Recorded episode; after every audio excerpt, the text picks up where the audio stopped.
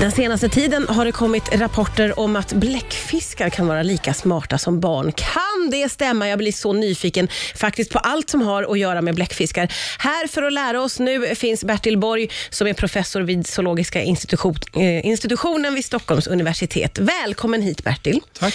Vi börjar väldigt eh, från början tycker jag. Hur många arter bläckfiskar finns det på ett ungefär? Eh, Det vet jag inte, men det är många, i varje fall hundratals. Och finns de nästan överallt eller är det vissa vatten eller hur, hur lever de så att säga? De finns nästan överallt där det finns riktigt saltvatten. De går inte in i sötvatten, de går inte in i bräckt vatten heller. Nej, okej. Men när det är riktigt saltvatten så finns de egentligen i, i alla hav. Och, och då pratar vi olika storlekar och olika sorter eller? Då pratar vi olika sorter, för det är ju inte så att en och samma art finns överallt. Den här arten som de undersökte, den heter sidensepia på svenska och den finns utbredd framförallt vid Västeuropas kuster och i, i, i Medelhavet. Och den förekommer då och då på den svenska västkusten. Ja, okej. Vad skulle du säga kännetecknar en bläckfisk då? Ja, det som är det speciella med dem det är ju deras armar som i regel har sugskålar. Mm. Och om man bortsett från de skalförsedda pärlbåtarna som är väldigt an annorlunda så har de eh, antingen åtta eller, eller, eller tio armar. Och eh, andra viktiga egenskaper har ett väldigt välutvecklat nervsystem och de har väldigt välutvecklade ögon. Ja, men det har jag hört någonting om att de har väldigt, väldigt bra syn. Va- varför har de så bra syn? Ja, de jagar med, med synen och upptäcker, upptäcker sina byten. Och särskilt de som lever på djupt vatten Mm. har också stora, det, det, det har inte den här som undersökningen handlar om, men en del som lever på, på eh, djupt vatten har väldigt stora ögon. Så de kan se i mörker då? Ja, inte i totalt mörker. Ingen kan ju se i totalt mörker, men de kan se i mycket, mycket låg belysning. Och ett stort öga kan ju fånga upp mycket mer ljus. Ja. Och ehm, sen är det ju, de är ju stora för att vara ryggradslösa djur också. Och det är också så att ögats storlek sätter begränsningar, så att riktigt mycket litet öga kan ju liksom inte se, se sådär jättebra Nej. vad man än gör. Nej. Men eh, stora ögon kan göra och de, en typ av bläckfisk som heter koloss, kolossbläckfisk har de största ögonen av alla nu levande djur. Jaså? 27 centimeter diameter. Oj, det är verkligen jätteögon. Ja, alltså det är större än fotboll. Ja, det är det ju. Eh, Vi ska fortsätta prata och, och prata mer om de här särskilda... De man har i akvarium. Nej, det förstår jag ju naturligtvis. Som tur är det för skräckartat. Vi började ju prata lite grann om bläckfiskarnas... Ja, vi pratade mycket om synen. De har väldigt bra syn. Eh, och, och Det här med deras sinnen. Eh, de har ju en otrolig förmåga att kamouflera sig på olika sätt vad jag förstår. Varför har de den förmågan? Ja, den kamoufleringsförmågan, det handlar ju om att gömma sig.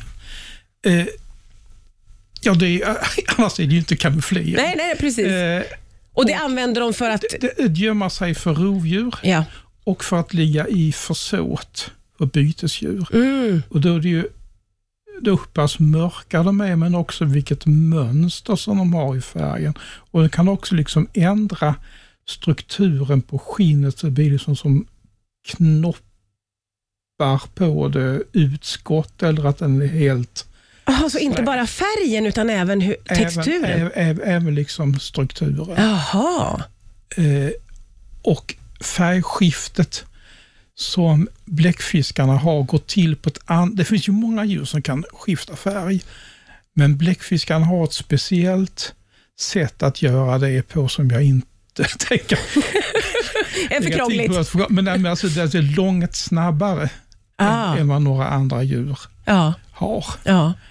Och eh, sen så förutom då att de kan färgskiftet för kamouflering så kan de ju skifta färg när de uppvaktar varandra eller eh, ska skrämma bort rivaler eller sådana Ah, ja, ja. saker. Så det är väldigt användbart det där. Ja, och, och, och, och, och det här senare har ju varit på, och ganska ofta på naturprogram just med sepia bläckfiskar. Ja, just det. just det.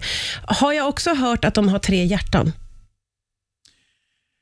Eller är det en missinformation?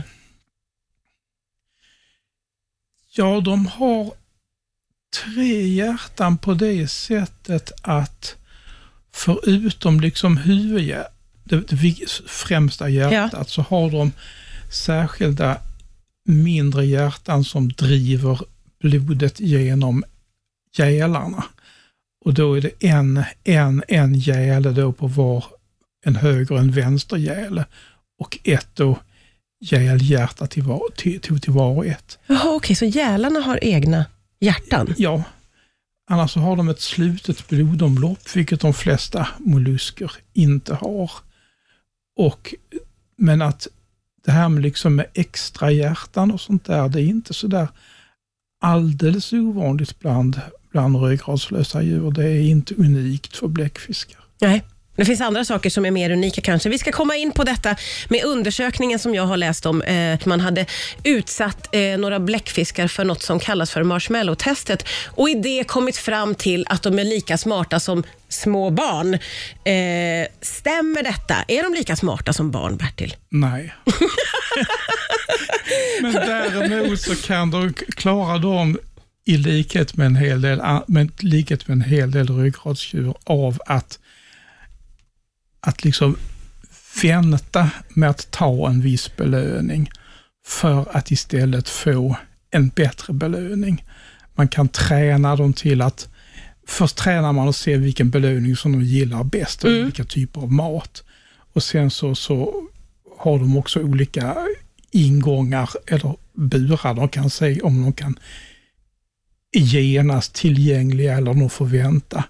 Och när de har lärt sig det så har de testat dem och se i vad mån är då de här bläckfiskarna eh, i vad mån kan de då visa karaktärsstyrka nog för att låta bli att ta, ta den mindre goda maten. Ja, som finns för- tillgänglig. Som, som finns tillgänglig Ja. genast för att istället komma åt, komma åt den andra bättre maten. Och det lyckades de med att vänta upp till drygt två minuter. Jag tänker ändå att det är imponerande. Det, det, det, det är alltså im, im, im, imponerande på sitt sätt. Det är Ja. långt ifrån alla ryggradsdjur som klarar av sånt. Ja, Men att säga att de är lika intelligenta som barn, det är att ta i kanske. det tycker jag nog inte. Ehm, sen så, men det som de gjorde också i studien var att de korrelerade bläckfiskarnas eh, förmåga att, att, att vänta med deras intelligens i den meningen med hur pass de kunde i andra test lära sig olika uppgifter. Mm.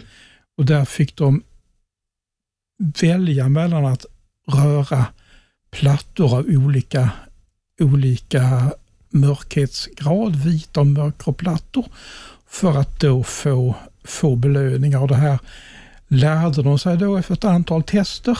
Mm. Och sen så gjorde de någonting som heter reverse learning som används ofta, nämligen att man sedan när de lärt sig en sak så börjar de låta det motsatta gälla. Ja, Och okej. hur snabbt kan de då lära sig? Att nu är det annat som Nu gäller. är det andra, det motsatsen som gäller. Hur snabbt kan de lära sig sånt? Ja, det var väl ett tiotal eh, försök eller någonting. Men de är ändå ganska smarta Ja, får vi ändå ja. säga. Och det är så de var mest intresserade av att de bläckfiskarna som, som eh, kunde behärska sig längre, Ja. de lärde sig också bättre än de andra. Okej. Det behövdes min, färre antal försök för att de skulle lära sig det här. Vad säger det här om bläckfiskar, tycker du? Ja, det säger att de har en förmåga att, Ta över världen? Nej. nej, att, Nej. att behärska sig och inte, inte genast gå, gå på det första bästa som visar sig. De har tålamod. Ja, inte, ja, ett par minuter. Ja, men det är ju ändå någonting. Det är bläckfiskar vi talar om ändå, så det är imponerande. Jätteroligt att få veta mer om bläckfiskar. Tack snälla Bertil Borg för att du kom till Rix FM idag.